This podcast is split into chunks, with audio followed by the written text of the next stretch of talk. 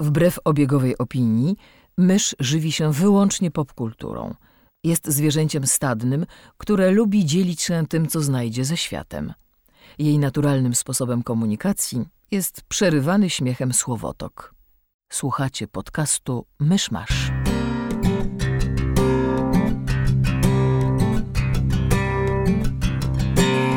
Gospodarzami podcastu Myszmasz są Krzysiek Cera, redaktor portalu Avalon. Kamil Borek ze studia Kobart. i Mysz, autorka bloga Mysza Mówi. Drodzy słuchacze, jest poniedziałek, 25 kwietnia 2016 roku. Urodziny Alberta Uderzo, Ala Pacino i Ellie Fitzgerald. Zapraszam do 131 odcinka podcastu Myszmasz. No, to y, w tym tygodniu się nic nie wydarzyło, albo wydarzyło się wiele, ale myśmy to kompletnie olali, bo mm, tak naprawdę nie mamy dzisiaj żadnych newsów. Nie no, pożegnaliśmy artystę znanego wcześniej jako artysta, znany wcześniej jako Prince. Tak. E, co jeszcze? Był, pojawił się trailer do czwartej, technicznie rzecz biorąc, piątej części przygód Jasona Borna, no bo po drodze mieliśmy No. jeszcze te, ten, ten spin-off, czy jak to tego tam nie nazwać, z Rennerem.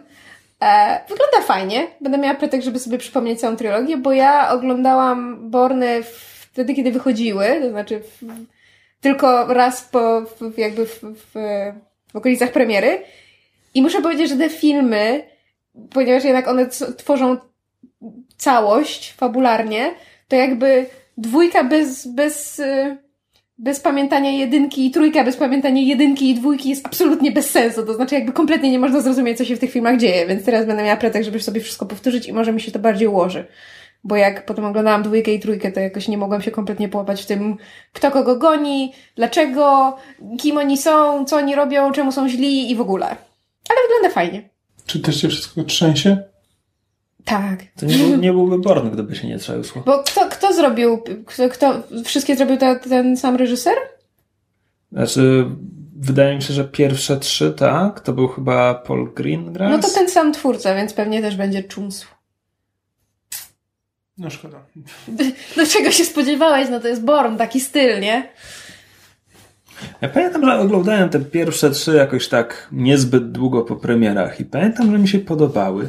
I to jest wszystko, co z nich pamiętam. właśnie- Znaczy, to są filmy, No które tak mi wyparowały z pamięci. Ja jedynkę widziałam kilkukrotnie i jedynkę pamiętam stosunkowo dobrze. Bardzo dobrze się na niej bawiłam, mimo właśnie Ja trzęsienia. ja ale dwójka i trój... dwójce był Karl Urban. That's the extent of my knowledge. Jako milczący ten morderca. Inny, tak, właśnie, morderca, ale też nie pamiętam, czy on był mordercą z zewnątrz, czy go ta agencja wynajęła. On- nie on- pamiętam, on- jaką rolę tam grała Julia Stiles i dlaczego ostatecznie była po stronie Borna. E, spoiler? Fuck, I don't know. Czekaj, a Franka Potente to jest w pierwszym? W pierwszym. A w którym ginie? Spoiler. Pierwszym. Już pierwszym? tak, pod koniec chyba. Czekaj, a, a, A może a, na która, początku a która dwójki? ginie w takim małym samochodziku, który wpada do wody? To nie dwójka się tak zaczyna? Że tam chyba samochodzik wpada do wody, ale czy ona... Powiedziałam, czwórka będzie pretekstem, znaczy nowy Born będzie pretekstem do obejrzenia poprzednich Bornów. I w sumie ten Born z Rennerem też był fajny. Co prawda zupełnie obok, ale Renner się tam całkiem fajnie sprawdził. Bardzo fajnie mi się ten film oglądało. I, I trochę dziwnie się go oglądało, bo on chyba mniej więcej w tym samym czasie zaczął grać też w Mission Impossible. I już tak mi się zaczęły krzyżować te wszystkie światy tajnych agentów. To by ciekawy shared universe. Teraz wszystkie studia mają filia na punkcie tego, żeby tworzyć shared universe. A Co? właśnie, newsy. I- i- Hasbro, Hasbro będzie Boże, miało swój shared universe. Ale czekaj, czyli Hasbro, czyli to ma być G.I. Joe'y? G.I. Joe i dwa ser- dwie kreskówki, których nie znam. E, coś tam było Rom. E, Rom Space Knight. Tak. O, ja wiem, wiem kim jest Rom. Kim jest Rom? Rom jest zabawką, którą to kiedyś było popularne. Jak firma robiła zabawkę, to trzeba było dopisać do tego trochę treści. No tak. No więc podstawa to jest to, co jest z tyłu, z tyłu pudełka z figurką. Tam masz trzy zdania o tym, że ten super agent ma tą super broń i walczy z tymi 15 innymi figurkami. Kupię, kupię teraz. E, A do tego były komiksy, które, e, wiesz, firma robiąca zabawki nie robi komiksów, tylko wynajmowała kogoś do tego. Zdarzało się, że wynajmowała Marvela. Więc Rom Space Knight to jest seria z Marvela, która miała tam kilkadziesiąt zeszytów i po dziś dzień jest dobrze wspominana przez ludzi, którzy to czytali. To chyba, nie wiem, przełom lat 70. i 80. E, więc to był Rom Kosmiczny Rycerz z planety Galador, gdzie byli inni kosmiczni rycerze, a wspominam o tym dlatego, że jest kilka takich przypadków. Marvel wydawał też kiedyś e, komiks o grupie, o drużynie, która nazywała się Mikronauci. Micronauts. A właśnie, of to the ma być, Microverse. To, to ma być te, ten trzeci tytuł A, w, okej. w tym uniwersum. No więc, więc były komiksy o mikronautach z Microverse, e, też od Marvela, więc oni się tam spotykali z innymi Marvelowymi postaciami, takimi jak Kapitan Ameryka, Spider-Man, e, Godzilla, doktor e, z Doktora Who, bo oni też mieli tajnowe komiksy z Marvela i oficjalnie wciąż są ich częścią. Doktor jest częścią uniwersum Marvela. No, to jest oficjalny kanon. E, tak, e, a potem Marvel stracił te licencje. E, więc Marvel nie może już wydawać komiksów o Romie, ale wciąż ma pozostałych Space Knightów z planety Galador, bo to scenarzyści Marvelowi to dopisali. I tak samo jak byli mikronauci, to wśród mikronautów był taki jeden, który nazywał się Bug i był takim antropomorficznym insektem i on jest jedynym mikronautą, do którego Marvel wciąż ma prawa, więc na przykład dorzucili go do Guardians of the Galaxy parę lat temu na pewien czas. Ciekawe. E, tak, ale znaczy, bo ja czytałem tego newsa, już nie pamiętam dokładnie nazwisk, ale bo to był news na IO9, który właśnie mówił, że za tym uniwersum Hasbro kryje się jakieś, jakieś pokłady talentów pisarskich. E, I nie pamiętam wszystkich nazwisk, ale rzeczywiście jakby, jakby widziałem za co tam są odpowiedzialni, to tam były bardzo interesujące, ale to, co mnie najbardziej jakby przekonało i dlaczego czekam, to, że wśród, wśród tych nazwisk jest Brian K. Vaughan. E, Brian K. Vaughan. E, Który jest oczywiście Sagi. autorem komiksowej sagi i mnóstwa innych fantastycznych komiksów, aczkolwiek ja muszę przypomnieć, że ja nie wiem ile on robił w telewizji i przy filmach, ale ostatnie co wiem na 100%, że on robił telewizyjne, to było Under the Dome. Ups. Także ten. No, Znaczy- e, zobaczymy. Znaczy, brzmi, to, brzmi to absolutnie szalenie, ale Znaczy, kto tak, wie. brzmi to idiotycznie. Z drugiej strony mi się bardzo podobały filmy z G.I. Joe, które zrobili, Tak, te ja też dwa. E, żeby było śmiesznie, sequel jest lepszy niż jedynka, bo sequel już totalnie ma wszystko w nosie i się nie traktuje poważnie i po prostu jest autentycznie fajny i zabawny. Tak, jakby- Biedny Channing Tatum, który musiał grać w obu filmach. Drugie G.I. Joe względem pierwszego G.I. Joe to jest jak pierwsze Fast and Furious i siódme Fast and Furious. Jest więcej. po prostu jakby, E. to- to nie jest jakby ocena jakości, tylko po prostu to, jak bardzo e, twórcy pojechali i stwierdzili, że mają gdzieś realia prawdziwego świata, ale będzie fajnie. Znaczy, wiecie co mnie jeszcze w tym bawi? Że ja mam dwa bardzo silne wspomnienia, jeśli chodzi o firmę Hasbro. Związane są z e, naszym wspólnym dzieciństwem i wieczornkami, które wówczas puszczano i blokami reklam, które wokół tych wieczorynek puszczano, bo moi rodzice mi wieczorynki nagrywali na kasety wideo i ponieważ wiadomo, że jak się nagrywało z wideo, to bardzo często tam w trakcie były reklamy i się nagrywały. W związku z tym ja jak potem oglądałam te wieczorynki z kaset, to mi się te reklamy zakodowały w głowie. I między innymi zakodowała mi się reklama G.I. Joe, więc wiedziałam zawsze, że to jest e, firmy Hasbro. Natomiast kiedy Kamil mi powiedział o tym newsie, że będzie Shared Universe film, firmy Hasbro, ja miałam wizję dwóch bardzo konkretnych zabawek z tej firmy. Pierwsza to była G.I. Joe, a druga to była lalka Cindy. Bo firma Hasbro jest producentem lalki Cindy, która jest wszystkim, o czym marzysz. Ja jestem też bardzo ciekaw, bo, ej, znaczy, ja nabrałem szacunku do Hasbro po odcinku Community z, y, z G.I. Joe, e, crossover, crossoverze z G.I. Joe, A tak, to było ładne. tak. A to już, to, to już było to, późne ogóle- community, prawda? E, Taki tak, to był ostatni sezon. okres. Nie, przedostatni sezon. Czyli ten ostatni dobry sezon. E, e, ale tak, ale jakby tam widać było, że przynajmniej Hasbro nie traktuje się szczególnie poważnie i pozwala swojej marce na ekstesy, e, których może z, większość, na które większość firm by sobie nie pozwoliła. Uciek, uciek, odbijając z dygresji w dygresję, to ja tak samo po community nabrałem, no może nie szacunku, ale sympatii do Subwaya, który pozwala A, się tak. też obśmieszać w tym serialu. Ale Subway z kolei przecież wcześniej grał stosunkowo dużą rolę w serialu Chuck, ale głównie dlatego, że Musiałbym oglądać Chucka. E, znaczy, nie pamiętam już o co chodziło, ale chyba chodziło o to, że Chuck miał zejść z anteny i oni jakąś nawiązali współpracę z Subwayem, który im dał pieniądze za to, że będzie jakby pokazywany w serialu i będzie, wiesz, chwalony. I to się chyba skończyło tym, że w pewnym momencie fani e, Chucka tak bardzo chcieli utrzymać serial na antenie, że autentycznie sprzedaż kanapek Subwaya, e, chyba firmowanych e, nazwą serialu, wzrosła na tyle, że serial chyba dostał tam jeszcze dodatkowych 10 odcinków. Nie wiem, czy nie zmyślam, w każdym razie jedno na drugie... Tak, właśnie tyle- tyle chyba w to nie, nie, nie, ale wrzuciłaś. co, bo ja po prostu wiesz, dawno nie oglądałam Czaka, już nie siedzę w tym fandomie, no bo serial się skończył jakiś czas temu, nad czym bardzo ubolewam, bo, ale skończył się dobrze, skończył się we właściwym momencie, więc wspominam go bardzo miło. Natomiast po prostu już nie pamiętam szczegółów, ale wiem, że jakby Subway i Chuck jedno na drugie um, wpływa, znaczy wpływali, wpływali na siebie i, i mieli stosunkowo ścisłą współpracę. No. A poza tym to jeszcze widziałam trailer do nowego filmu Woody'ego Allena. Nazywa się to chyba Cafe Societe. E, czy tam Society. Nie wiadomo, Ra, czy... Raczej przy... nie. Wiesz, sobie w Stanach, jak będą wyświetlali, równie dobrze mogą zmienić tytuł. Oni tak bardzo nie lubią, wiesz, obcych wpływów. E, I film wygląda ciekawie. Gra tam e, Kristen Stewart Kristen czy Kirsten? Nie, Kristen Stewart i Jesse Eisenberg, co jest o tyle śmieszne, że oni już chyba, to jest trzeci film, którym oni razem grają? Drugi? Na pewno drugi po, po Adventureland. E, I strasznie... Ale przy, grali, to, to w takim razie grali wspólnie też w American Ultra. Dlatego powiedziałam trzeci, widzisz, trzeci.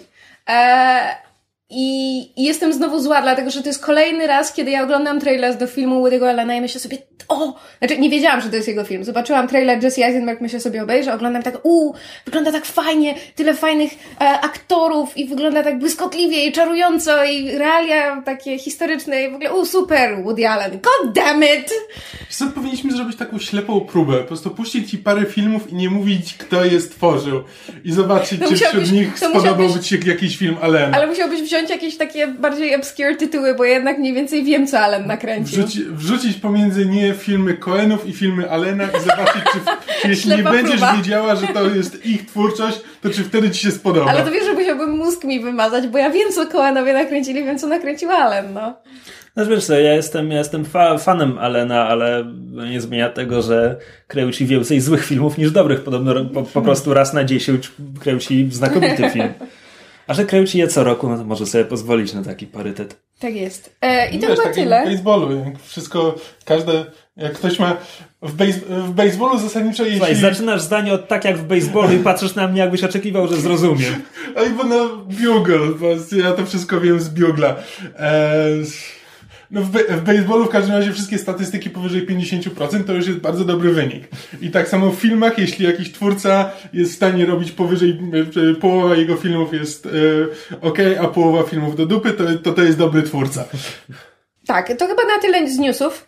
E, coś, na, coś nam się udało z tego ugrać.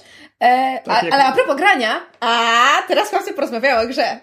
Krzysiek mnie zaraz uderzy. Za fatalny segway. Cicho, bądź smutny puzonie. Oj, no dobra. Um, tak, ja się, ja się przymierzam do nowej pracy, która wymaga ode mnie siedzenia przed komputerem jeszcze dłużej niż zwykle. Żeby było śmieszniej, wszyscy, wszyscy pracujemy dla tej samej firmy. Godzinach- Coincidence? I don't think so. w godzinach, w godzinach późniejszych niż zwykle i jeszcze e, muszę czekać przed tym komputerem, aż praca przyjdzie. E, Więc grałem ostatnio w dużo małych gier, które da się bardzo szybko rozegrać. E, W prawie wszystkie chyba, może nawet we wszystkie da się zagrać po prostu w oknie przeglądarki E, i są za darmo. To, to wszystko, co je łączy. I wśród tych małych gier, przepraszam, sięgnę po telefon, bo niektóre mają dziwne tytuły. No, zacznę od najkrótszych, przejdziemy do najdłuższej. Na Rock Paper Shotgun znalazłem ostatnio e, dzieło sztuki, które nazywa się, uważajcie, e, Samurai Tennis. Jest, jest to gra, gdzie masz po prostu jeden ekran, nie, wy, nie wyjdziesz swoim bohaterem poza, poza ekran. Twoim bohaterem jest antropomorficzny lisek z e, rakietą tenisową. I tam jest jakieś, jakieś dwa podesty, sztuczny krokodyl, który się nie rusza, jakiś dzwon i przychodzą przeciwnicy. I masz piłkę, która, która się odbija i którą możesz odbijać rakietą na wszystkie strony i masz przycisk zwalniania czasu. I cały cel gry, jedyny cel gry jest taki, żeby jak najdłużej utrzymać piłkę w powietrzu, żeby nie spadła na ziemię, ale to jeszcze nie wszystko, bo punkty, czy punktowane jest odbijanie piłki od rzeczy. Przeciwników, krokodyla, podestów, dzwonu. To jest absolutnie cała gra. Towarzyszy temu jak, jakaś durna, zapełtlona techniawa i wciąga. Znaczy tak dosłownie na trzy minuty, no bo dłużej to głowa boli i, i tak dalej, ale takie bezmyślne coś, żeby ten parę, parę minut dzielał se na to śmierci czymś wypełnić, to, to jest super. E, Kolejną, e, dużo ciekawszą, była A Normal Lost Phone, zwykły zgubiony telefon, e, który jest francuską grą zrobioną na jakiś tam game jam, nie pamiętam tematu. Mm, jest dostępna po angielsku i w, tam jeszcze w dwóch chyba innych wersjach językowych. I to jest fajne. Najlepiej pewnie byłoby grać w to na telefonie. Ja grałem na komputerze. E, gra stawia się naprzeciwko ekranu telefonu. Wcielasz się w osobę, która znalazła telefon, podnosi mhm. go z ziemi. No i trzeba dojść do tego, kim jest właściciel i co się stało. Oczywiście od razu jesteśmy wyjęci tak naprawdę z rzeczywistości, bo w rzeczywistości weszlibyśmy do kontaktu i zadzwonilibyśmy pod pierwszy, który wygląda jak e, członka rodziny właściciela telefonu. Tutaj nie mamy tej opcji. Nie można z niego zadzwonić nigdzie. E, ale na początku wyświetlają się cztery SMS-y od taty. No to pierwsze co robimy, to czytamy cztery SMS-y od taty, które, których treść mniej więcej jest, nie wiem, e, gdzie jesteś, kiedy wrócisz, zadzwoń, mama chce wzywać policję, odezwij się. I to jest jakby zahaczka. I potem wczytujemy się, jakby nie wiem, no ja pierwsze co zrobiłem, to, to prześledziłem po prostu wszystkie SMS-y od ojca. E, tam jest jeszcze proste wytłumaczenie, czemu informacji nie ma zbyt wiele, więc to jest, to jest nowy telefon. I e, chłopak, który zgubił telefon, ma go dopiero od tam dwóch miesięcy bodajże. E, no i przekopujesz się przez SMS-y, jest też jest galeria zdjęć, jest kalendarz z jakimiś notatkami, co się kiedy, co się kiedy wydarzyło i pomału składasz sobie jakiś obraz w głowie. Bardzo fajna, znaczy to nie jest pod żadnym względem przełomowa historia, ale trochę tak jak w Her Story, jest fajnie skonstruowana, bo pozwala ci na takie chwile jak, jak w trakcie oglądania czy lektury kryminału, gdzie nagle masz satysfakcję, bo E, no bo coś potwierdza twoje podejrzenia i to jest fajne. Albo nagle odkrywasz jakąś nową informację i potem wracasz do czegoś, co widziałeś na samym początku, ale teraz widzisz to w zupełnie innym świetle i wiesz, pacasz się w czoło, rany boskie, przecież to jest, to jest jak na dłoni podane, jak mogłem tego nie zauważyć. Mhm. I na tej zasadzie to jest bardzo fajne.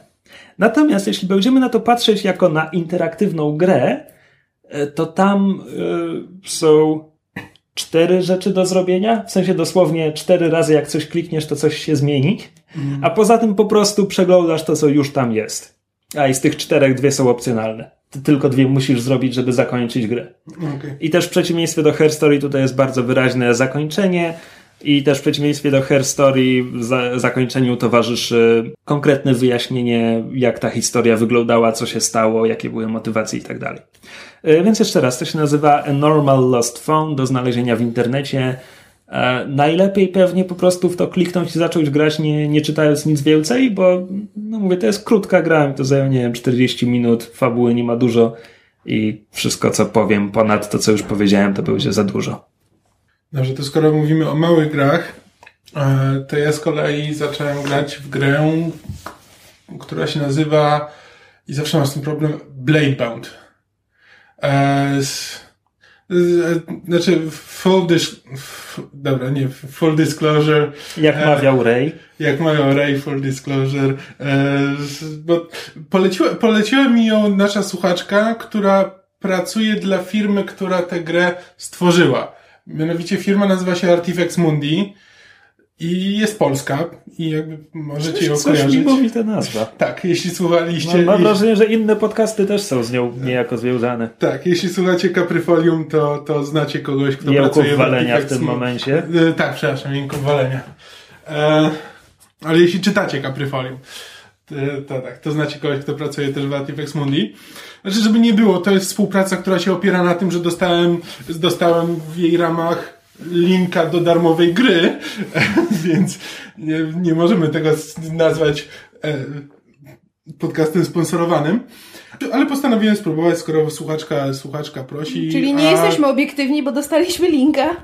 Tak, tak, to, który jest wart jakieś horrendalne pieniądze. Można, tak, można go sobie pobrać w tym momencie z Google Play'a. Ale ponieważ ja zasadniczo jakby lubię gry mobilne i, i lubię hack and slashy, to, to stwierdziłem, że no polska gra, a w dodatku grałem w gry Artifex Mundi e, i bardzo je lubię. Znaczy, lubię je przede wszystkim, bo są ślicznie narysowane. No jakby, nawet jeśli widzieliście, jakby właśnie e, śledzicie Capryfolium i Jęki Walenia i widzieliście e, twórczość Vincenta, wiecie, wiecie na jakim poziomie w takim razie stoi twórczość e, Artifex Mundi. Więc odpaliłem grę, no i wciągła mnie. Bo to jest, E, to jest hack and slash. Taki dosyć, dosyć standardowy. E, free to play, więc jakby jest ograniczenie od razu, znaczy można w, w pewnym tam określonym czasie rozegrać ileś tam, ileś gier, e, a potem trzeba odczekać trochę czasu albo zapłacić pieniądze, żeby grać dalej. E, ale zazwyczaj no, można pograć na tyle długo, że jakby to nie jest, to nie jest wielkim problemem. To jest, to jest taka gra właśnie, żeby sobie pograć godzinkę i odstawić. E, ale jakby jest y, najciekawszy pomysł, jaki wprowadza do hack and slashy, to to, że mm, wszystko, co się wykonuje na ekranie, no to zamiast klikać w jakieś tam ikonki umiejętności, to wykonujesz za pomocą gestów. E, więc jakby jak przyciągniesz po prostu palcem w danym miejscu, to twoja postać doskoczy do tego miejsca i wykona atak. A potem jak wykonasz na przykład okrąg, to zaatakuje, zaatakuje wokół siebie. I jest seria różnych gestów i umiejętności z nimi powiązanych, które, które tam można, e, które można wykorzystywać i rozwijać i zdobywać nowy, nowy ekwipunek. To mi się hmm. trochę kojarzy, może bardzo błędnie, ale rzucanie czarów w black and white nie, nie wyglądało trochę podobnie? Tak, tak, coś takiego. Czyli no jakby to wprowadza, ponieważ no, czy wiesz, wprowadzanie gestów myszką, a klikanie myszką jakby nie, nie zmienia wiele, no to jakby ponieważ to jest na dotykowym ekranie, to jakby nie masz tego poczucia, że klikasz w miejsce i czekasz aż potwór zginie. E, tylko jakby możesz autentycznie niemal jak w Batmanie, znaczy e, przesuwasz palcem w jedną stronę ekranu, żeby ubić jedną postać, po czym przesuwasz w drugą stronę ekranu, postać doskakuje, doskakuje tam, rozwala parę razy, wykorzystujesz umiejętność, potem znowu odskakujesz i jakby wprowadza taki element, e, element no, zręcznościowo-taktyczny do, do gier, które zazwyczaj polegają na tym, że po prostu wciskasz przyciski i patrzysz, co się stanie. E, więc pod tym względem to jest naprawdę fajny mechanizm e, i, i, i, e, i bardzo dobrze się sprawdza. Czy no w tym momencie gra dopiero co, dopiero co wyszła i jeszcze będzie rozwijana, bo tak jak każda gra mobilna, to jakby będzie miała jeszcze 5000 różnych patchy i każdy będzie wprowadzał coś innego, więc jeszcze będę obserwował jak to się rozwinie, ale jakby sam pomysł jest bardzo fajny, graficznie to, no to tak jak mówię, no Artifex Mundi zawsze tworzy ładne gry, więc to, e, więc to naprawdę fajnie wygląda. I, I to jest właśnie taka do, dobra gra, żeby sobie włączyć, uruchomić, pograć pół godziny, poczekać aż się tam odnowi odpowiednia tam energia i, i wrócić. Więc to jakby teraz mi się dobrze sprawdza właśnie przy tłumaczeniach, żeby sobie po prostu zrobić przerwę i, i naturalnie mieć, naturalnie mieć moment, w którym przestaję grać i muszę wrócić do roboty. Wracając do mojego przeglądu, kolejnym tytułem, najciekawszym tytułem, co? Nic, przepraszam, ale miałam wizję, jak Krzysiek mówi ten Enough about you, let's talk about me. Najciekawszym, a na pewno najdłuższym tytułem spośród omawianych jest The Average Everyday Adventures of Samantha Brown, które jest krótką grą w zasadzie takim trochę Choose Your Own Adventure, bo tam składa się z paru wyborów trzeba dokonać i to jest cała gra. Przejście zajmuje kwadrans. E, ale jest fajnie, fajnie narysowane, tak. Jakoś się na mnie dziwnie patrzysz. Patrzę się na siebie z zainteresowaniem i miłością. Czego ty ode mnie chcesz? No właśnie to, to się wydało dziwne i podejrzane. E, Samantha Brown jest amerykańską studentką e, w Anglii, gdzieś w środku Anglii, w akademiku i cała gra polega na tym, Samantha Brown ma, kurczę, jak to się, mm, jak to się będzie po polsku nazywało, myszu, może mi pomożesz, anxiety disorder. Serwice. Samantha, Samantha. To, to nie jest właśnie nerwica? Nieważne. E, nie radzi, nie radzi sobie z ludźmi, nie, nie lubi, kiedy ją zaczepiają i zasadniczo najlepiej czuje się w swoim pokoju, jakby Jakaś w bezpiecznej przestrzeni. Mniej, mniej zaawansowana forma agorafobii. Nie do końca. No, nieważne. W każdym razie, e, cała gra polega na tym, że jest późny wieczór, ona jest głodna i trzeba pójść do wspólnej kuchni w akademii. Słyszałam o tej grze! Zrobić owsiankę i z sukcesem wrócić. Nie, jest... nie spotykając, znaczy spotykając jak najmniej osób chyba, nie? Znaczy taki jest. Są, są różne, są różne jakby sytuacje, kiedy, kiedy Samantha zaczyna się źle czuć. E, Mam wrażenie, że czytałam o tym na Tumblerze. To jest cały, cała gra. Przejście zajmuje 15 minut, natomiast y, mamy jedynym elementem interfejsu poza tam wiesz, wybieraniem opcji A lub opcji B co parę sekund y, jest pasek samopoczucia Samanty, który z- zaczyna się nieźle, ale im bardziej się wypełnia, tym, tym gorzej. Jeśli wypełni się całkowicie, to gra się kończy źle. Nie udało nam się z sukcesem zrobić owsianki i wrócić do pokoju. To jest cały cel gry. Znaczy, czekaj, czyli samopo... pasek samopoczucia rośnie jak się, Zależnie od wyborów, które dokonasz. ale rośnie jak się Samancie dzieje coś złego, tak? Znaczy, jeżeli na przykład wchodzi z no, bo to, interakcji no bo z to nie jest ludźmi- pasek dobrego samopoczucia. Okej, dobrze. On się wypełnia w kierunku smutnej buźki. Dobrze, rozumiem, rozumiem. Znaczy, to, to nie chodzi tylko o interakcję z ludźmi, to chodzi też o takie rzeczy, jak, jak jeśli wybierzemy opcję, żeby zmusić ją do zrobienia czegoś zbyt szybko, zamiast pomału i ostrożnie, to jest, wiesz, no to ona tak nie lubi, źle się z tym czuje. Tak. Więc ten pasek jakby nam, musimy, musimy wyczuć, jaka jest jej sfera komfortu i wybierać odpowiednią ścieżkę, żeby pozostać na tej, tej wąskiej em, ścieżce. Świetnie, ścieżka ścieżce. Ścieżka ścieżce nierówna. E, I gra może się zakończyć na parę złych sposobów i wydaje mi się, że jeden pozytywny. E, Jest dostępna na Steamie, jest króciutka, jest darmowa e, i bardzo ją polecam, bo szczerze mówiąc, tak jak wiesz, znowu wiem, że są ludzie, którzy mają różne problemy w różnych sytuacjach, że, że coś jest dla nich, że nie czują się komfortowo, że, że czują się po prostu źle, że pe, pewne rzeczy ich, ich drażnią. A, Potrafią Wiem- mieć nawet fizyczne reakcje. tak, natomiast wiem, jakby wiem, że są tacy ludzie, natomiast chyba wydaje mi się, że, że nie uświadomiałem sobie, Jak bardzo? jak bardzo i jak, jak różne to mogą być rzeczy, że na przykład, wie- wiesz, przeszedłem tę grę i tak sobie myślę, okej, tak, to rozumiem, ale o tym, o tym i o tym bym nie pomyślał. I myślę, że ta gra mnie autentycznie czegoś nauczyła na ten temat. Więc bardzo polecam. E, jeszcze raz przeczytam ten przydługi tytuł.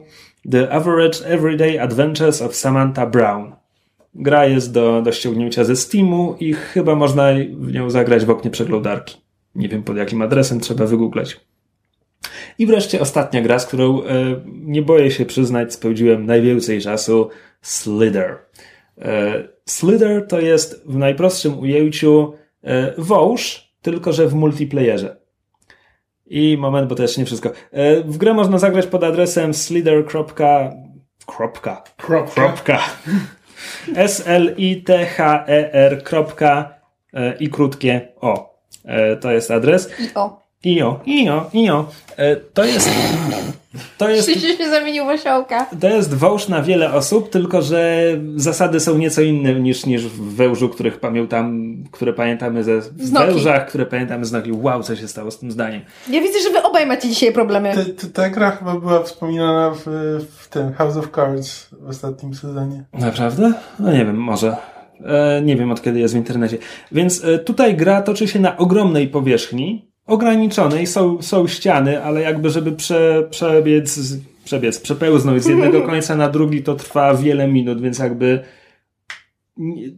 trudnością nie jest to, że ograniczana jest przestrzeń. Co więcej, w przeciwieństwie chyba do, do klasycznego węża z Noki, e, nasz wąż może się może, może się zwijać w kłębek, może, może jakby się Przenikać przecinać. sam przez siebie. Może przenikać się sam przez siebie, tak? No i na tej powierzchni pojawiają się różnokolorowe kropki, które zjadamy, żeby się wydłużyć. E, I możemy nacisnąć przycisk myszy, żeby e, dostać przyspieszenie. Tylko, że kiedy korzystamy z przyspieszenia, nasz wąż traci e, masę i długość i zostawia ze sobą ciąg kropek, takich samych jak te, które zżeramy. Więc kropki pojawiają się tak po prostu, same z siebie się generują na tej powierzchni. Pojawiają się, kiedy węże śmigają, e, korzystając z przyspieszenia. I wreszcie, e, jeśli wąż e, zginie, czyli wpadnie na innego węża, bo to jest jedyny sposób, żeby, żeby zginąć, A wpadnięcie na ścianę? e, po wpadnięciu na ścianę po prostu znikasz. Ale, ale to jest koniec gry. Aha. Mówię, te ściany są tak daleko, nikt nie gra przy ścianach.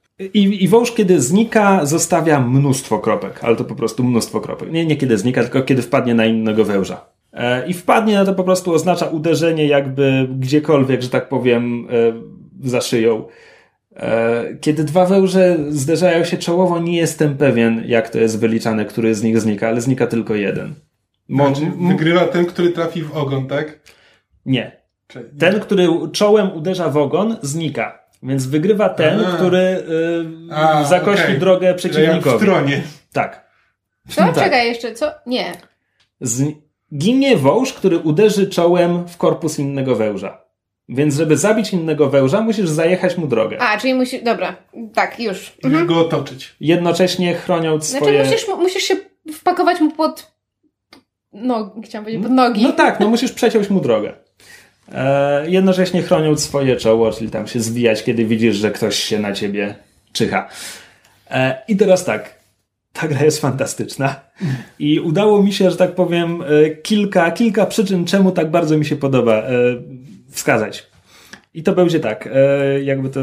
W głębi ducha jestem wężem. Nie, znaczy, okej, okay, po pierwsze... U, w jakim domu byłby Krzysiek?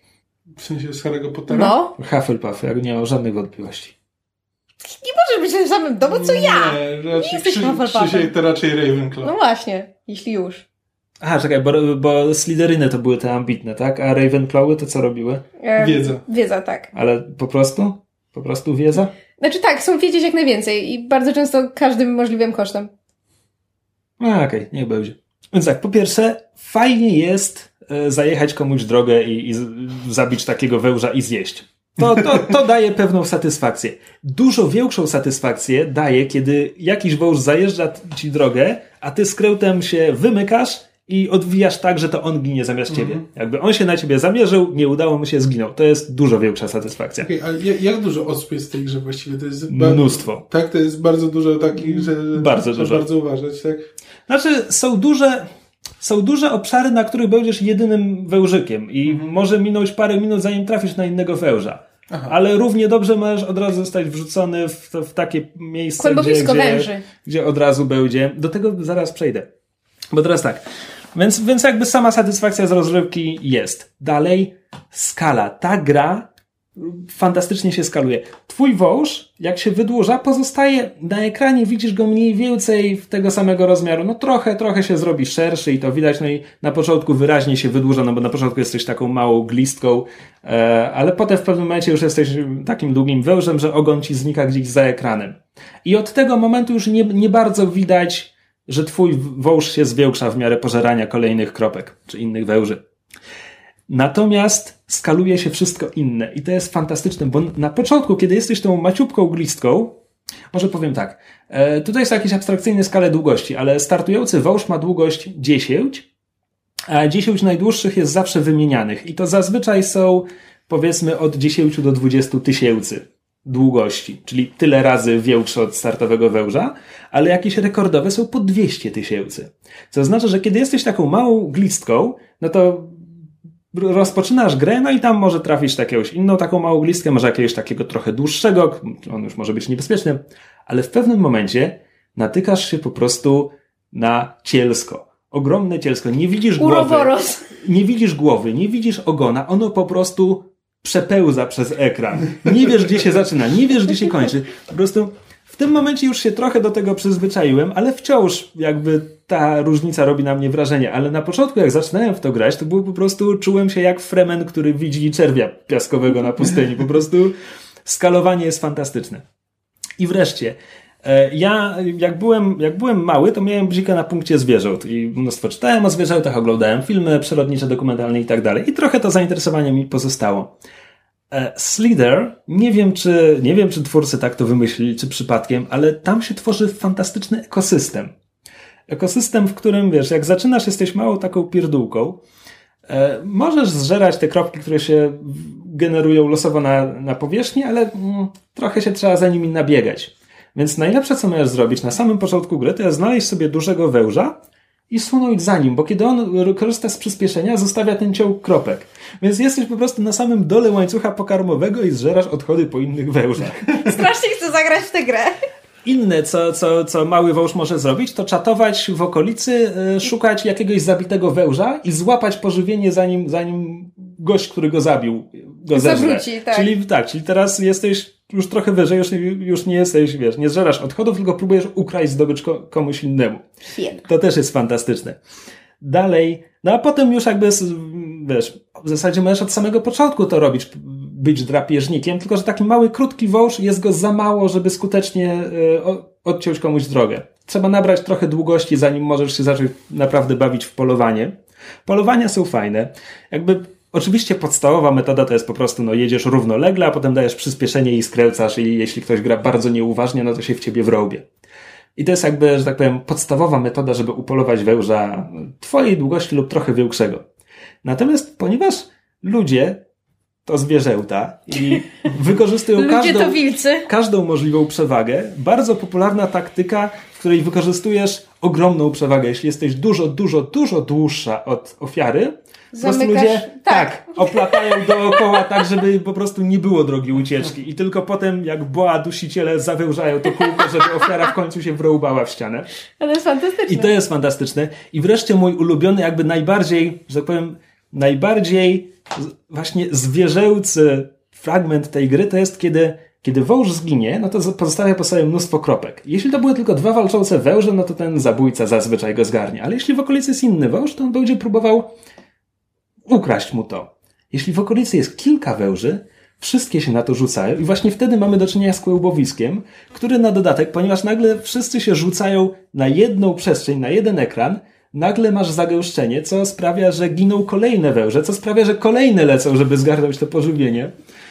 I to po prostu, to jest banalna gra, ale daje mi ogromną Ale satysfakcję. it sounds awesome. No, fajnie. Tak, więc jeszcze raz e, slither.io e, po, po wypróbowaniu kilku ksyw występuje tam teraz jako Viper von Wum, ponieważ oczywiście, że tak.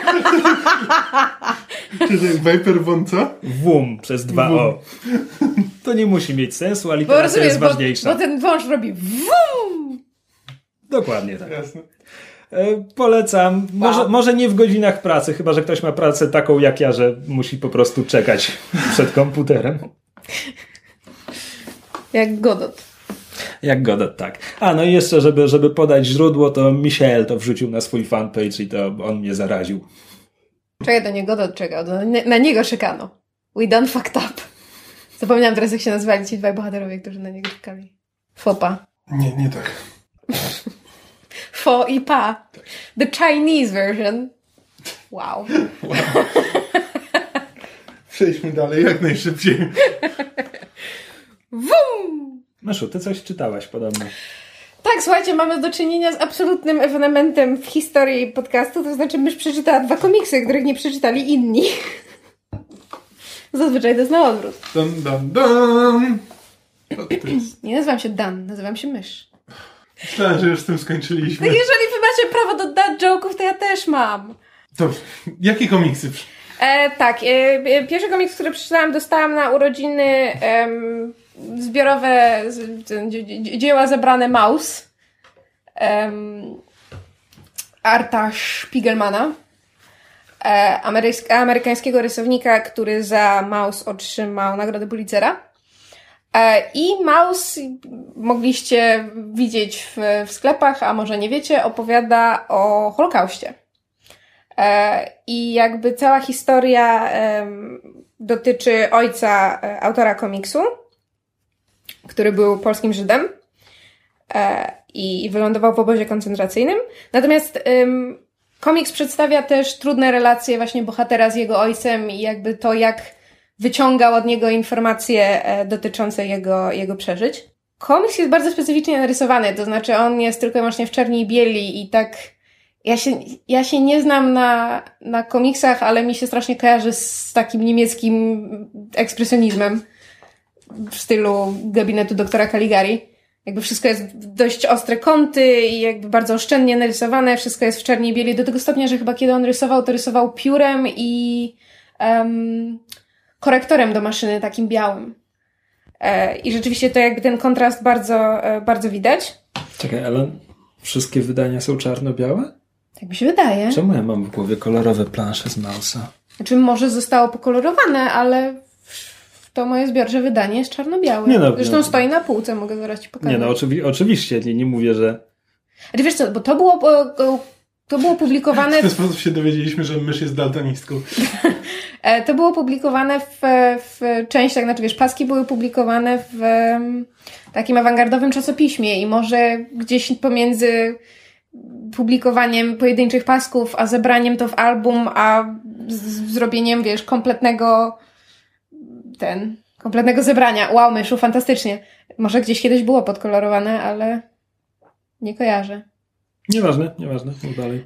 Wyróżnia styl także to, że są, bohaterami są antropomorficzne zwierzęta, to znaczy jakby mają ciała ludzi, ale mają głowy różnych zwierzątek, no i tak, tylko, Żydzi to są... zwierzątka są przypisane do narodowości. Tak, więc Żydzi to są myszy, um, e, źli Niemcy, naziści to są koty, e, Polacy to świnie, no, tak, i to, jest, i to jest jakby powód, dla którego ludzie, którzy nie czytali Maus w Polsce krytykują Maus. Bo... Tak.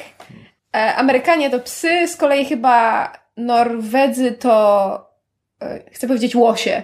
Co, co tu robią Norwedzy? Właśnie, znaczy... Norwegowie? Norwedzy? W, w pewnym momencie mam wrażenie, że to są Norwedzy albo Szwedzi. W każdym razie jakieś nacje północne e, mam wrażenie, że po prostu... Tak, Skandynawowie, że po prostu w pewnym momencie część chyba rodziny bohatera w, w, uciekła, czy, czy mieli tam po prostu rodzinę. W każdym razie... Um, pod względem wizualnym jest to, jest to dzieło na pewno specyficzne i wyjątkowe i nie każdemu to będzie pasowało, natomiast fantastycznie oddaje no, taki ciężki e, klimat historii, a z drugiej strony bardzo mnie zaskoczyło to, jak w takich, e, jak używając stosunkowo oszczędnej mimiki w tych twarzach, prawda, antropomorficznych zwierzątek, autor był w stanie oddać bardzo wiele um, emocji, to często bardzo śmiesznych, bo jednak tam, tam się pojawia taki troszeczkę czarny, albo nazwałabym to nawet bardziej cierpki humor związany z tym, że e, ojciec, e, znaczy ojciec autora, czyli jakby główny bohater komiksu jest, no jest trudną osobą i odniosłam wrażenie, że komiks, komiks wyraźnie mówi, że to, że, że ojciec autora przeżył Holokaust nie jest wymówką, żeby się zachowywał w tak okropny sposób w stosunku do całego świata i swoich bliskich i, i żeby miał takie podejście do życia.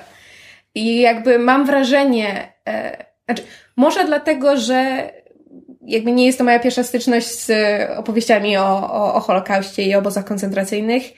I nie jest to też historia, znaczy w wersjach tej historii, która wywarła na mnie największe wrażenie, bo ten zaszczyt nadal przypada serialowi Band of Brothers, e, który mną strasznie wstrząsnął. Natomiast możliwe, że w związku z tym, że jakby e, horror Holokaustu nie jest mi obcy, o wiele bardziej przeżywałam właśnie relacje, um, która się rozgrywała między autorem, który jakby włożył się sam do swojego dzieła, a, a jego ojcem. I rzeczywiście jest to strasznie trudna relacja i, i, i naprawdę serce się człowiekowi łamie, bo właśnie z jednej strony jako, jako czytelnicy cały czas chcemy usprawiedliwiać um, ojca autora, no bo jednak przeszedł przez piekło i jego żona też przeszła przez piekło, też e, jakby udało im się wydostać z tych obozów koncentracyjnych, natomiast ona potem popełniła samobójstwo, co jakby autor też bardzo przeżył, bo to było jak miał chyba 20 lat jego ojciec też to bardzo przeżył. Więc jakby z jednej strony chcemy usprawiedliwiać tego ojca, a z drugiej strony no jego zachowanie nie da się tego usprawiedliwić. To jest po prostu jego, miał taki charakter, to była jego decyzja, żeby się tak zachowywać i jest to też w pewnym stopniu, mam wrażenie, studium starzenia się i właśnie obserwowania, jak starzeją się nasi rodzice, jak się zmieniają i jest to strasznie smutne. I mam wrażenie, że właśnie ta część związana z relacją autora i jego ojca jest o wiele bardziej taka przejmująco smutna, przynajmniej dla mnie, z mojego punktu widzenia, niż historia Holokaustu i, i prawda, i obozów koncentracyjnych i, i nazistów, i Polaków zdrajców, i dobrych Polaków, i wszystkich innych nacji, które tam są przedstawione. Znaczy, tak sobie myślę, że jakby Maus jeszcze jest na mojej liście do przeczytania. zaraz jednym, ci pożyczę, jak skończymy nagranie. Jakby jednym, że tak powiem, z ważniejszych tytułów na tej liście.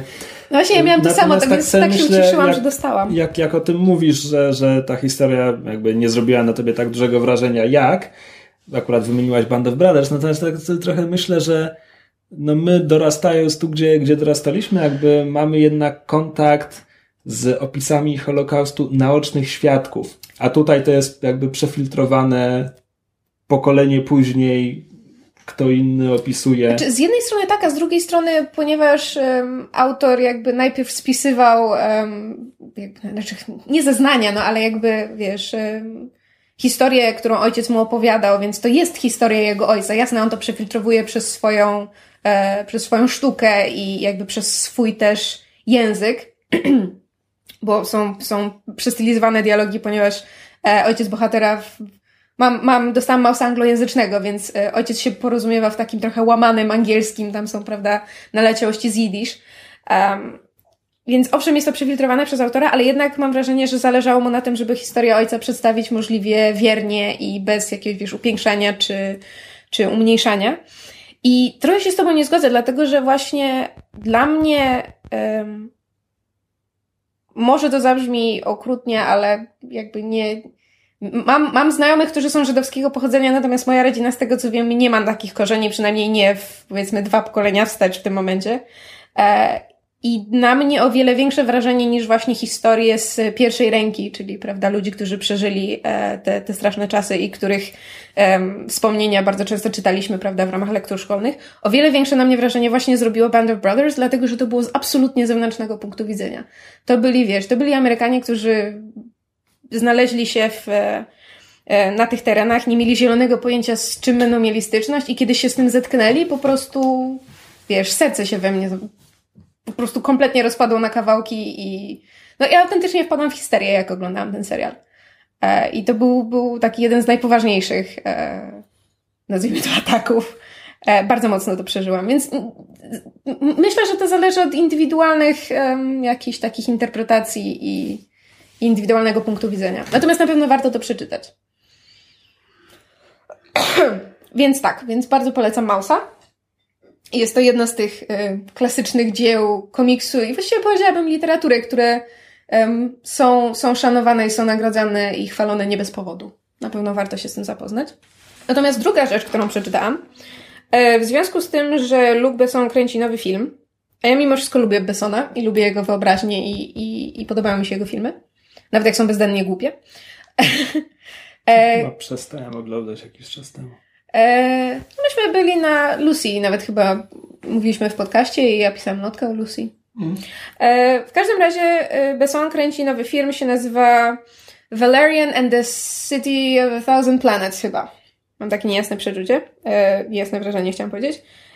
Natomiast nie jestem pewna, ponieważ tytuł jest bardzo zbieżny do tytułu oryginalnego komiksu, który jest pierwszym albumem całej długiej serii. E, komik się nazywa Valerian and Loreline po angielsku. Nie będę łamać sobie języka na francuskiej wersji, mimo że jest stosunkowo prosta. E, stworzyli to Pierre Christine, e, scenarzysta i Jean-Claude Mez, Mezier, Meziere, Mezieres się pisze, który zresztą współpracował z Bessonem przy Piątym elefancie? Tak, piątym elefancie. Chciałam powiedzieć graphic design i zgubiałam. Przy stronie wizualnej e, piątego elementu, bo Besson jakby od, od dziecka był fanem właśnie tego komiksu i on się nim bardzo inspirował właściwie we wszystkich swoich um, dziełach i stąd się, jego wzięła, stąd się wzięła jego fascynacja science fiction. Um, I Valerian i Loreline to jest również komiks wydany po polsku, jakbyście byli zainteresowani, to możecie obczaić. Od dwóch lat wydaje to chyba Taurus Media. Tak się wydaje. I komiks jest połączeniem science fiction i powiedzmy space opery i dotyczy dwójki agentów, e, właśnie tytułowego Valeriana i jego partnerki Lore Loreline, e, którzy są agentami podróżującymi w czasie i przestrzeni. Pochodzą, e, on pochodzi z XXVIII wieku z Galaxity, czyli największego miasta ziemskiej Cywilizacji? Tak, cywilizacji, bo Ziemia sobie dobrze poczyna w przyszłości i ogólnie jesteśmy potęgą w kosmosie. Natomiast e, Loreline pochodzi bodajże z XI wieku e, i dołączyła do, do Valeriana jakby w pierwszym, e, w, w pierwszym komiksie, on ją tam uratował podróżując w czasie. Natomiast z jakiegoś powodu pierwszy komiks nie został przetłumaczony na angielski, a ja czytałam pierwsze osiem albumów po angielsku, więc nie, nie widziałam historii ich poznania, zaczęłam troszeczkę od środka. I to jest um, komiks, który ma. Znaczy, umówmy się. Wszyscy wiemy, że ja czytam mało komiksów i ja się nie znam. Natomiast to, co czytałam i to, co wiem, e, każe mi stwierdzić, że jest to typowo europejski komiks pod względem wyglądu. To znaczy, jakby połączenie. Przypomina Torgala? Tak, chciałam powiedzieć połączenie Torgala, Lucky Luka i troszeczkę Manary. Czekaj, czekaj. Połączenie Torgala, Manary, ok i Lucky Luka? Tak, bo, bo wbrew pozorom e, ten komiks ma stosunkowo prostą kreskę. Nie, to ale znaczy chodzi, taki... chodzi mi o to, że wymieniasz dwa style, które powiedzmy, że są w miarę realistyczne z takim bardzo przestylizowanym kreskówkowym no, w Lucky. No ale to się dokładnie łączy. Nie widzę tu Lucky Luke'a. Ale hej, nie odmawiam ci twoich skojarzeń. Po prostu się dziwię. Znaczy ja miałam takie skojarzenie, nie wiem, może wyciągnęłam je z sufitu. E, chciałam powiedzieć z dupy. E, tak. I... A, gdzie ty masz dupę? B, gdzie ty masz sufit? Jeżeli ktoś lubi Doctor Who, no to w to mu graj, bo to jest, to jest mniej więcej to samo. E, pomieszane z Gwiezdnymi Wojnami jakby nie bez powodu, bo to jest, e, to jest komiks również wielokrotnie nagradzany, zdobył Grand Prix na tym e, Międzynarodowym Festiwalu Komiksów. W Angulem? Angulem, tak jest dokładnie. Nie chciałam znowu sobie łamać na tym języka i palnąć jakieś głupoty, ale dziękuję, że mi podpowiedziałeś.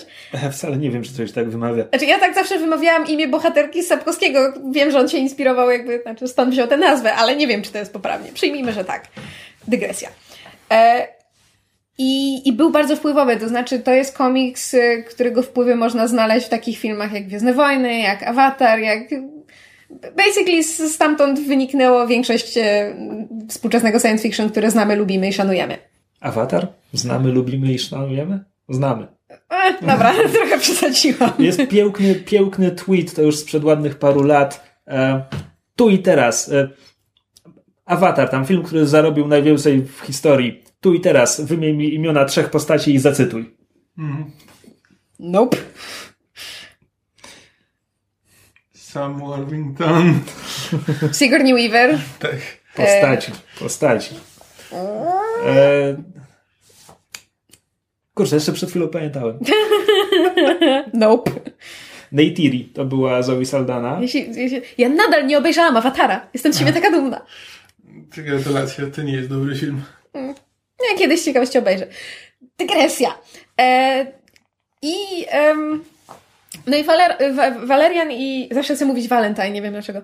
I w komiksie bohaterowie podróżują w czasie i przestrzeni, głównie w kosmosie, trafiają na e, różne planety, gdzie w przeciwieństwie do powiedzmy Star Treka, który prawda, ma dyrektywę, że nie należy się wtrącać w losy mniej rozwiniętych cywilizacji, nasi bohaterowie mają to głęboko w dupie. To jest bardziej jak e, powiedzmy Gwiezdne Wrota na przykład. E, I i jest to strasznie sympatyczne. To znaczy, ja podchodziłam do tego z dużym wahaniem właśnie ze względu na stronę wizualną, która nie należy do moich ulubionych, bo i, i czasami mimika jest skićkana i czasami kadry są bardzo jakby naćkane różnymi szczegółami. To nie jest, ale i to też nie są takie... Skićkana i naćkana. Tak wiem. E... Podsumowanie komiksu. Tylko, tylko to nie są takie, takie pięknie rozplanowane, znaczy w moim odczuciu to nie są takie pięknie rozplanowane kadry, gdzie można wyłapywać właśnie różne fajne szczegóły, jak na przykład Black Sad i Asterix, o których w tym kontekście mówiliśmy zresztą chyba na samym początku historii naszego podcastu, to był mhm. jeden z pierwszych odcinków. Um, to, to są jednak kadry, gdzie, gdzie trudno się pewnych rzeczy dopatrzyć, ale są bardzo, bardzo ładne wizualnie, kolory są też fantastyczne. E, to, co jest naprawdę niesamowite, to jest wyobraźnia e, zarówno scenarzysty, jak i e, rysownika bo rzeczywiście światy, które oni wymyślają i zarówno w kontekście jakby ich konstrukcji, układu społecznego, polityki, wszelkich e, zachowań, jakichś tradycji, rytuałów, folkloru i tak dalej. Okej, okay, straciłam, straciłam sens tego zdania. What did I say? Coś o tradycji i folklorze. Tak, tak. I tak dalej. I tak dalej. No, no w każdym razie. Że ciekawe światy. Tak, pod tak, że są, że są fantastycznie skonstruowane nie tylko pod tym względem, ale także pod względem, jak to przedstawić wizualnie. E, żeby, żeby było jak najbardziej zróżnicowane i dziwne, i nietypowe, oryginalne. I trochę wbrew sobie, bo autentycznie, znaczy to nie jest to, że nie chciałam, żeby mi się to spodobało, tylko podchodziłam z wahaniem, no bo nie moja, nie moja stylistyka i wszyscy wiemy, że mysz lubi science fiction, ale podchodzi do tego jak pies do jeża. E, byłam bardzo miło zaskoczona, jak szybko polubiłam bohaterów. I jakby to jest o tyle e, ciekawe, że główny bohater, czyli Valerian, jest takim typowym bohaterem o dobrym sercu, który wykona, wiesz, wykona każdy rozkaz, który mu dadzą, um, który mu da szefostwo, mimo, mimo że bardzo często uważa, że to są błędne rozkazy i że tak naprawdę powinni postąpić inaczej. Z kolei Loreline jest, zresztą jest często przywoływana jako taka jedna z najważniejszych w gatunku postaci właśnie si silnych kobiet, to znaczy dobrze napisanych kobiet, które, które nie są sprowadzane do roli, prawda, seksownej em, pomocnicy, czy prawda, obiektu westchnień, ma, ma swoją, swoją wolę, swój charakter, bardzo niezależny, bardzo często robi wszystkim wbrew. E, a jednocześnie jest przy tym bardzo taka seksowna i urocza i urzekająca. E, być może gdybym za, zabrnęła dalej w, w czytanie, mówię, przeczytałam tylko 8 albumów, e, miałabym lepszy ogląd postaci, natomiast troszeczkę, troszeczkę nie widzę tej, tej takiej postępowości, którą znaczy, um, się wychwala w kontekście tego komiksu. Czekaj, czekaj, czekaj. Mówisz, że po ośmiu albumach nie masz jeszcze dobrego oglądu na postaci? Wiesz dlaczego? To chyba są niejako napisane. Nie, one są bardzo dobrze napisane, natomiast mam wrażenie, że to jest troszeczkę jak na, na wszelki wypadek sobie sprawdziłam i z tego co wiem, oprócz tego pierwszego brakującego albumu, to te pierwsze osiem, które przeczytałam po angielsku, one są po kolei, czyli są w takiej samej kolejności, jak były publikowane oryginalne e, francusko-belgijskie komiksy tak naprawdę. E, natomiast ja mam wrażenie, patrząc na to, jak bohaterowie się do siebie odnoszą i jak się zachowują, że to jest tak jakbym, trochę tak jakbym oglądała serial Foxa. To znaczy, nikt mi nie powiedział, ale przestawili odcinki bo czasami bohaterowie się traktują, wiesz, się przekomarzają jak gdyby nigdy nic i to, że Valerian bardzo często e, wiesz, jak, ktoś mówi, talks down, że, że tak pieszczotliwie się do Loreline zwraca na zasadzie, o tak, ty silna kobietko, powiedz mi teraz, co mamy robić, a ona jakby mu mówi coś na zasadzie, wal się i potem robi swoje i jakby nie da się, nie daje się umniejszyć. A, a potem są na przykład takie, takie, i to jest przemieszane z, zupełnie bez sensu z, z takimi scenariuszami, gdzie ona rzeczywiście jest sprowadzona do roli na przykład, wiesz, żony marynarza, która czeka na brzegu, aż dzielny, dzielny Walerian wykona misję. I praktycznie jest bezwolna. Albo na przykład, wiesz, jest, jest odurzoną niewolnicą w pewnym momencie, i, a potem, potem jest, wiesz, silną kobietą, która nie daje sobie w kaszę dmuchać. I jakby, Trosz... Nie ma konsekwencji. Tak, znaczy w, pojedynczych albumach jeszcze jestem im to w stanie wybaczyć, no bo tam, prawda, historia rzuca ich z jednego kąta galaktyki w drugą, bardzo dużo się dzieje, to jest rzeczywiście, bardzo dużo jest przygód i, i komiksy mają naprawdę fajne tempo i fajne historie, jakby pojedyncze albumy tworzą fajne, zamknięte całości. Zresztą kilka jest naprawdę fantastycznych. E, natomiast w, całość mi się nie składa. Być może gdybym miała szerszy kontekst, to, to miałabym inny ogląd, natomiast tak to, tak to wygląda w tym, w tym momencie z mojej perspektywy. Natomiast rzeczywiście jest to postępowy um, komiks w tym sensie, że, że Christine, czyli autor scenariusza, bardzo wiele swoich takich lewicowych e, poglądów zaczął i im dalej, tym więcej ich wrzucał, więc jakby te wszystkie cywilizacje i, i planety, które, które bohaterowie napotykają są e, jakby właśnie w, w konstruowanie ich, ich systemów politycznych jakby układów społecznych Christine rzeczywiście wrzucił bardzo dużo swoich przemyśleń na temat e, roli kobiet i, i polityki, i gospodarki, i kwestii uchodźców i imigrantów.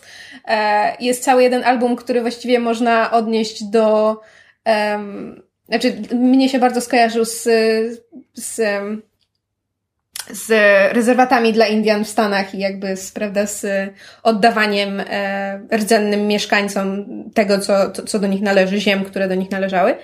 E, I naprawdę się to fajnie czyta. I tak bardzo jak byłam podekscytowana wizją nowego filmu Bessona, bo, bo gra tam aktor, którego ostatnio bardzo polubiłam, czyli Dane... Nigdy nie wiem, jak się wymawia. Dehan. Dehan. Właśnie mam wrażenie, że Dehan, ale bo to jest D-E-H-A-A-N, bo tam są dwa A. No nieważne. W każdym razie ten, który grał um, Harry'ego Osborna w ostatnim Spider-Manie, e, między innymi. Niezapomniana rola. Tak, niezapomniana rola. E, I grał główną rolę w Chronicle, o którym Kamil też mówił w podcaście i który ja ostatnio obejrzałam. Bardzo mi się spodobał. E, więc tak jak byłam podekscytowana samą, samą wizją nowego filmu Bessona, no bo to też będzie, prawda, science fiction i podróże w czasie i przygodowe i, i, i jakby wyobraźnia Bessona mnie bardzo kręci tak, po przeczytaniu komiksu jestem jeszcze ciekawsza, co z tego filmu wyjdzie. Zwłaszcza, że czytałam, że film owszem inspiruje się komiksami, natomiast będzie zupełnie osobną historią. Więc jestem teraz ciekawa, czy, czy mając te, te zasób tych ośmiu albumów, czy będę w stanie wyłapać jakieś smaczki, jakieś nawiązania znaczy, i wiesz, to tak, jak, tak jak mówisz, że tam twórca komiksu wrzucał swoje przemyślenia w konstrukcji tych światów i poglądy i tak dalej. To, to nie są, że tak powiem, rzeczy, które kojarzą mi się z filmami Luca Besson. No dlaczego? Przecież cały piąty element to jest taki, wiesz, u jej natura, jej elementy, komercja B, wielkie firmy złe, nie? Nie. I thought so.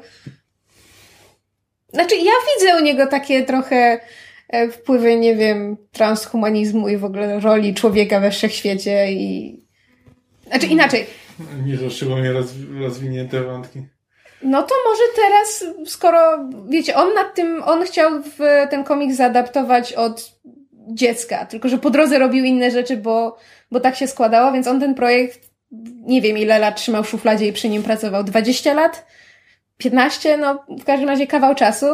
E, I jeżeli rzeczywiście w tak znacznym stopniu wpłynął na jego twórczość y, pod względem i wizualnym, i jakimś takim ideologicznym, myślę, że to jest właściwy facet na właściwym miejscu. W każdym razie ja jestem bardzo ciekawa, co mu z tego filmu wyjdzie i życzę, życzę produkcji jak najlepiej. Jestem bardzo podekscytowana. No, to już przeczytała komiksy. Uuu. Trzymając się kosmosu, przesłuchałem książkę, którą podrzucił nam na fanpage e, słuchacz, a przy okazji osobisty znajomy. E, więc przesłuchałem pierwszą książkę Nathana Lowella. Książkę? Tak, tak to powiedziałem? Tak to zabrzmiało. Ciężką książkę. Książkę. Dobrze, jeszcze raz. Przeczytałem pierwszą książkę z cyklu e, Trader Tales pod tytułem Quarter Share, e, ćwierć udziału, która jest powieścią marynistyczną w kosmosie. O, twój ulubiony gatunek. Mój ulubiony gatunek, jak najbardziej. Podgatunek. E, Nasz, nasz młody bohater zostaje osierocony bardzo szybko i nie ma e, żadnych opcji, bo to jest taki kosmos, który został sprywatyzowany bardzo, więc on mieszkał z matką na korporacyjnej planecie, ale teraz jak jego matka nie żyje, e, ojca nie ma, to on nie ma kwalifikacji, których korporacja potrzebuje, więc korporacja nie chce go zatrudnić i dają mu tam miesiąc na doprowadzenie spraw do porządku, a, potem e, wykopią go z planety. Więc on ma opcję zaciągnąć się do marynarki wojennej, ale nie- nieszczególnie pociąga go myśl o zabijaniu ludzi, lub zaciągnąć się na statek handlowy. No i mając taki wybór, w Tytuł- sensie żaden, Tytuł sam wskazuje, co wybrał. tak, tytuł też wskazuje co wybrał, zaciąga się na statek handlowy Czym handluje statek? Wszystkim. towarami. Rozumiem. A ponieważ, e, ponieważ jest kompletnym szczurem loadowym, i tak to określenie nawet pada w powieści, e, nie ma bladego pojęcia o niczym, co daje autorowi idealną wymówkę do tego, żeby ekspozycja była prosto tam w każdej scenie. Co chwila mu ludzie mówią o tym, jak wygląda życie na statku, jak działa statek. No i nasz bohater, który swoją drogą nazywa się Ishmael i tak jest 15 żartów na temat tego imienia. E, Staje się e, takim katalizatorem dobrych zmian na pokładzie okrętu. Bo jest pracowity i sumienny i lubi się uczyć i wszyscy go lubią i ma pomysły, które albo są po prostu bardzo dobre, albo po prostu jest tak bardzo z zewnątrz, że ma inną perspektywę i wpada na rozwiązania, które nie wpa- na które nie wpadną, nie wpadli ludzie, którzy zajmują się tym zawodowo od kilkudziesięciu lat. E, Ja nie do końca lubię tę kliszę, ale jak jest zrealizowana dobrze, to da się ją przyjąć. I to jest zasadniczo cała książka. To znaczy, autentycznie tu nie ma konfliktu. Żadnego. Wszyscy go lubią, wszyscy, wszyscy doceniają jego pracowitość. Gary Stu. Eee, no, trochę tak, e, Czy wszystko To- mu to się co- udaje?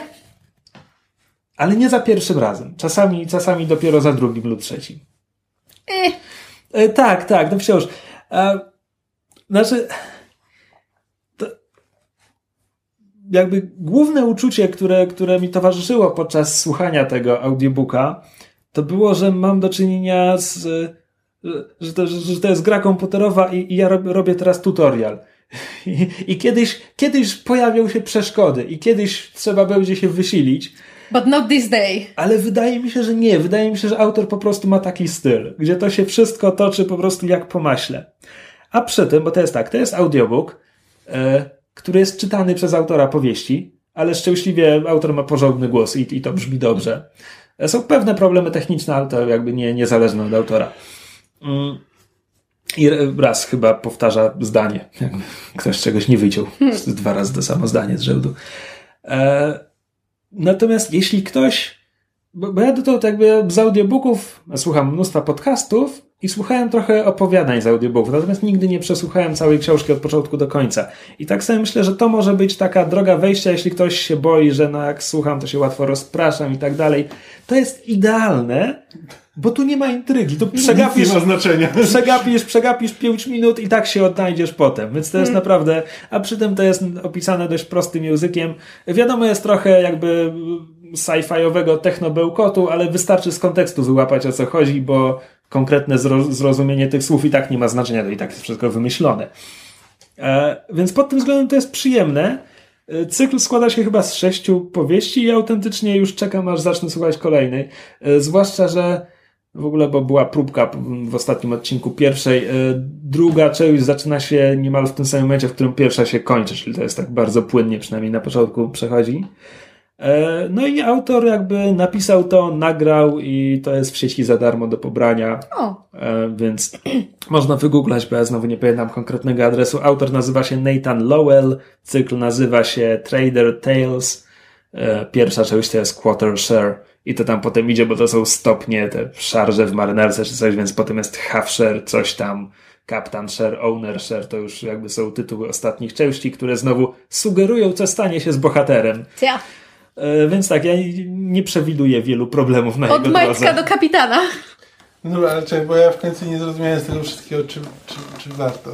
Tak. No, przecież- jeżeli przecież będzie mówię- słuchał kolejnej, to chyba warto. Przecież mówię, że jest przyjemne, fajne. No, po prostu Okej. nie ma tam wiele treści, nie ma intrygi, ale samo te, te opisy życia na statku, tego jak funkcjonuje statek, czym zajmuje się załoga, to jest, to jest przyjemne.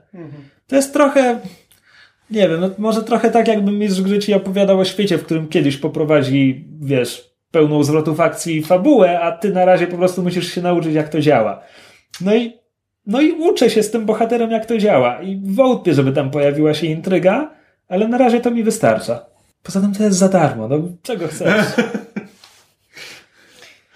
Darmowemu, A, Znalazłem kebaba na ulicy. darmowemu koniowi się w zęby nie zagląda.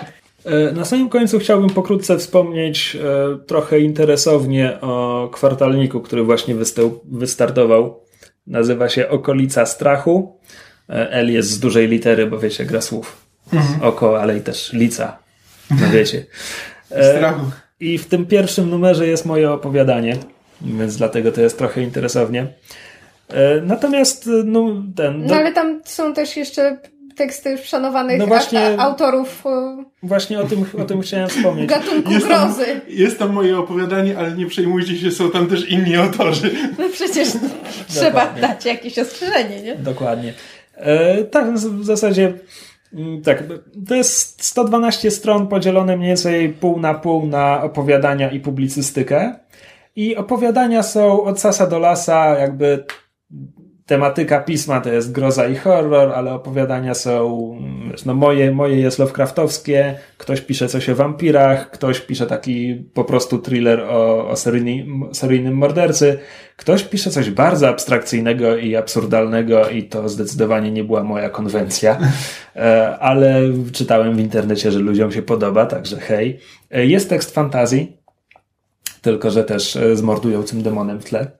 E, Więc te opowiadania są z bardzo różnych szkół e, i muszę powiedzieć, że są co najmniej, co najmniej przeciętne, e, a kilka jest naprawdę dobrych. Moim absolutnie ulubionym jest właśnie to, to fantasy. Tylko, że tutaj redakcja zastosowała brzydką sztuczkę i ona jest podzielona na dwie części. A mamy do czynienia z kwartalnikiem i czekać trzy miesiące na drugą część opowiadania to tak trochę kiepsko. Znaczy wiesz, dobry chwyt marketingowy, ale uuu. Tak, więc e, to opowiadanie, o którym mówię, to są Kobiety Błogosławionych Wojciecha Chmielarza i jest naprawdę fajne. Akcja toczy się w Krakowie chyba jeszcze średniowiecznym, w którym jest kolegium e, magów, tylko oni są tutaj zwani błogosławionymi. E, Jest fajnie napisane, poza tym fajnie sugeruje realia tego świata, bo tam jakieś pojedyncze zdania, wiesz, jest, jest coś o tym, że ci magowie kiedyś obalili kościół. W sensie, że tam kiedyś był papież w tym świecie, ale już go nie ma. E, I no, strasznie czekam na kontynuację, bo, bo chcę się przekonać, czy, czy druga część wypadnie równie dobrze. E, A w międzyczasie chyba poszukam książek tego autora, bo to był Wojciech Chmielarz. Teraz mam egzemplarz w ręku, więc mogę sypać nazwiskami. A Część publicystyczna jest e, nierówna, to znaczy jest kilka tekstów, które są trochę o niczym, ale jest też kilka bardzo fajnych. Jest e, bardzo ładny tekst o Londynie w literaturze grozy jeszcze XIX-wiecznej. On jest bardzo fajny. E, jest taki dość teoretyczny o tym, czym jest powieść okultystyczna, który jest całkiem ciekawy. O, Piotr Borowiec tu jest. Nieważne, znam go z blogosfery. E, więc e, ogólnie myślę, że każdy znajdzie tutaj coś dla siebie. Nawet jakby groza i horror to, to nie są moje klimaty, mhm. e, a mimo to czytało mi się to z ciekawością. E, tak, że, rzecz co? To jest za 10 zł bodajże za numer, za te 112 stron, fajna cena. Problem jest taki, że dystrybucja na razie jest e, partyzancka. E, że obudzisz się pewnego razu i znajdziesz pod drzwiami e, okolice strachu. Tak, mniej więcej. W tym momencie chyba, żeby nabyć numer, trzeba się zgłosić na fanpage redakcji, wysłać im wiadomość. Oj. Proszę, proszę, wysyłajcie. Tak, więc w tym momencie sprzedaż tak wygląda. Wcześniej była robiona e, aukcjami na Allegro, także tak, obiecują, że od drugiego numeru zorganizują coś porządniejszego. A w każdym razie polecam. Myślę, że warto. Ja na pewno kupię drugi numer tylko dla, dla samej wiesz, kontynuacji opowiadania, które naprawdę mi się spodobało. Zostawisz mi? Jeśli chcesz. Tak. Aha, rozumiem. Dobra. Moje nie może cię interesować, bo już je czytałaś kiedyś. I resent that. Zobaczyłam twój tekst i stwierdziłam, o, czytałam go dawno, raz temu, kiedy robiłam ci edycję. Chętnie przeczytam jeszcze raz. Poproszę Krzyśka, żeby mi pożyczył. Spialaj! Wstrętny luju. Proszę bardzo, jest mi bardzo miło. No. Nie sądziłem, że będzie ci się chciało czytać mnie dwa razy. A tak, ponieważ, ponieważ jestem tym egocentrykiem, więc sprawdzałem w internecie, czy wspominają o mnie w recenzjach, więc zagregowałem wszystkie, w których są wzmianki i uważajcie, jestem, to znaczy moje opowiadanie jest mało zaskakujące, bardzo konwencjonalne, ale dobrze napisane i przyjemnie się czyta. Także, że tak powiem... Przynajmniej warsztat masz dobry. E, tak, czy, czy, czy, czer, 3,5 na 5. Czerste pomidory mówią 55% pozytywnych recenzji, coś mniej więcej. Hmm. E, ale to skoro mówimy o rzeczach związanych z podcastem, to mm, możemy Was poinformować, że w przyszły weekend będziemy na Serialkonie. Tak, i będziemy partyzancko coś nagrywać. E, tak, zobaczymy, co z tego wyjdzie. Postaramy się. E, tak, to znaczy, ja ubłagam, postaram się ubłagać Kamila, żebyśmy pojechali tam z kamerą, żebyśmy nagrali część rzeczy, bo w związku z, ze zmianami wokół serialkonu, e, pewnie się zauważyliście, że serialkon tym razem będzie w majówkę, e, bo się przeniósł z terminu listopadowego i to już z przenosiny na stałe, więc co roku teraz będziemy w maju jeździć do Krakowa na serialkon. E, i zmienił. mają niż w październiku. Listopadzie. W listopadzie, tak. E, ale ponieważ w związku z tymi zmianami nie będzie, e, nie będzie się odbywało w Artetece i nie będzie chyba streamingu na żywo. Nie będzie w Artetece? Nie. O. Będzie w e, trzech budynkach, właściwie czterech w sumie budynkach rozrzuconych dookoła rynku a więc będą fajne okolice, będziemy sobie tuptać. Są też zmiany w grafiku, w związku z tym, że budynki są rozrzucone, są dłuższe przerwy między punktami programów, półgodzinne, żeby można było doczłapać. Same punkty programu też są dłuższe, więc w tym roku mysz będzie miała godzinną prelekcję. E, I właśnie, będę miała prelekcję o zombie. E, mam też wspólną prelekcję ze zwierzem o tym, jak się ogląda seriale, jeżeli jest się w fandomie, versus jak się nie jest w fandomie. A do tego prowadzę, znaczy moderuję panel dotyczący serialowych miłości i będę przeprowadzała wywiad z jednym z anglojęzycznych gości związanych z brytyjskimi serialami, więc wiecie. Z którym? Fame, Sława i Prestiż. Don't ask me, jeszcze się nie nauczyłam jego imienia. A co zrobił ten twórca? E, wiesz co, on głównie pracuje przy jakby... Nie, nie wiem jak to nazwać, to są jakby projekty medialne wokół seriali, to znaczy na przykład, wiesz, takie um, miniserie, które potem możesz oglądać w internecie, jakieś takie akcje internetowe mhm. związane z e, uczestnictwem fanów, jakby łączy social media i takie... Um... Prowadzi działania kosmediowe. O, crossmediowe, dziękuję, Och, tak. To jest fantastyczne, fantastyczne słowo. Tak, Kamil się, Kamil się zna, Kamil wie.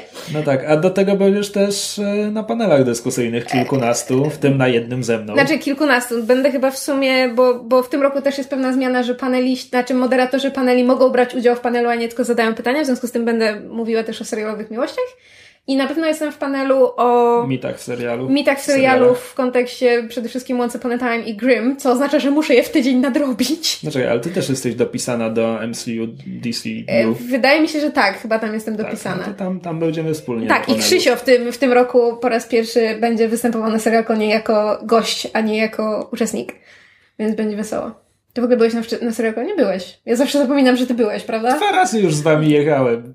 No właśnie, ja zawsze zapominam, że Krzysiek był, bo on, bo to jest tak, że my przyjeżdżamy razem. Mieszkałem tam z wami. Cicho, rzeczywiście. Ale bo to jest tak, że my przyjeżdżamy na, na konwent, po czym Krzysiek znika, pojawia się, pojawia się raz na jakiś czas w przerwach i potem idzie, e, he fucks off, idzie na swoje punkty. No, w każdym razie, ponieważ się pozmieniały rzeczy, e, twórcy powiedzieli, że, bo mam kontakt z organizatorami, powiedzieli, że postarają się pewne rzeczy nagrywać i potem wrzucać w internet. Natomiast w związku z tym, że nie jest warte tezy, nie będzie chyba streamingu na żywo. E, i w związku z tym ja postaram się Kamila namówić, żebyśmy wzięli naszą kamerę i, i nagrali przynajmniej część z tego, część z tych punktów, na których będziemy jako, jako jakby albo goście, albo uczestnicy, żeby tam też wspomóc i, i, i Wam też dać okazję e, wziąć udział w e, evencie, bo wiem, że w związku ze zmianą na, na termin majowy sporo osób nie może przyjechać, bo miało już plany, więc chcemy Wam chociaż w nasz, nasz mały, myszmaszowy sposób e, Wam udostępnić, co się tam działo. No i na pewno też nagramy, postaramy się partyzancko nagrać jakiś odcinek, nie wiem, jakieś urywki, pytania, wrażenia na bieżąco i pewnie będzie też jakaś relacja po, po całym evencie. No. Może, może spróbujemy wziąć Pawła Pydo za fraki i żeby nagrał na peryskopa. Może uda się coś na żywo zobaczyć. Mm. E, tak, więc e, jeżeli możecie No, e, przyjechać... e, Ja też tam będę. A tak, bo Kamil tam będzie jako... Znaczy zupełnie niechcący... Kamil w tym roku wylądował jako techniczny, bez żadnego czynnego udziału w evencie. Na, na poprzednim też tak robił. Właśnie. Tak, tylko że na poprzednim ty nie byłeś gościem, so No. it wasn't as awkward. Czy zarejestrowałeś się na serialkon? Nie. Nie. Nie. Ty już dwóch tygodni go chyba dręczy, żeby się No zarejestrował. po co? Tam jest wstęp za darmo i tak. Tak, ale trzeba się zarejestrować, żeby nie zabrakło wejściówek. A. Ty nie musisz, bo jesteś gościem, ja też nie muszę. Kamil musi, Kamil nie jest gościem. Oj, no myślę, że Awkward! Katla mnie nie wpuści. No to Katla może nie mieć żadnego na to wpływu. Wiesz, to jest kwestia capacity. E, znaczy ten pojemności sal. Masz wielką dziurę w spodniach. Nie ty, Kamil. Tak, wiem. A, dobrze. Nie, nie byłam pewna, czy to są domowe, Nie. czy to są oficjalne. Tak, to są moje oficjalne dresy. Na wesela i pogrzeby. Ale nie było widać, że to są dresy, wyglądały jak normalnie spo, normalne spodnie. No nieważne. E, no, w każdym razie, jeżeli możecie... się dzieje? Cio! Tak. Cio! Zamknij się, skończmy to wreszcie! K***! Ja muszę wracać do tłumaczenia. Cio! Tak, możecie do nas zagadać, jeśli chcecie Cicho! w naszą stronę, a my się wtedy popatrzymy na swoje buty. Cicho! E, więc jeżeli możecie przyjechać do Krakowa, albo i tak zamierzaliście przyjechać, to bardzo zachęcamy, żeby nawiązać z nami kontakt, pomachać, spojrzeć się nieśmiało, em, zapiszczeć na nasz widok, em, zareagować w jakikolwiek sposób. zareagować w jakikolwiek sposób, to e, jeżeli jesteście nieśmiali, to my podejdziemy i się przywitamy, bo wiemy, że niektórym, niektórym to głupio tak podchodzić. E, będzie nam bardzo miło, zawsze, zawsze jest nam miło, jak e, słuchacze e, i ewentualnie czasem czytelnicy mojego bloga się z nami e, kontaktują. I to tyle na dzisiaj. Mamy nadzieję, że zobaczymy się z częścią z Was w Krakowie. I do usłyszenia w przyszłym tygodniu. Na razie. Na razie. Słuchaliście podcastu Myszmasz. Możecie nas znaleźć na myszmasz.pl lub polubić nasz fanpage na Facebooku. Możecie nam także wysłać maila na myszmaszpodcast.gmail.com Jeśli do nas napiszecie, będziemy szczęśliwi jak wąż rzeczny. Tududu, tududu. Jest niebezpieczny. Tududu, tududu.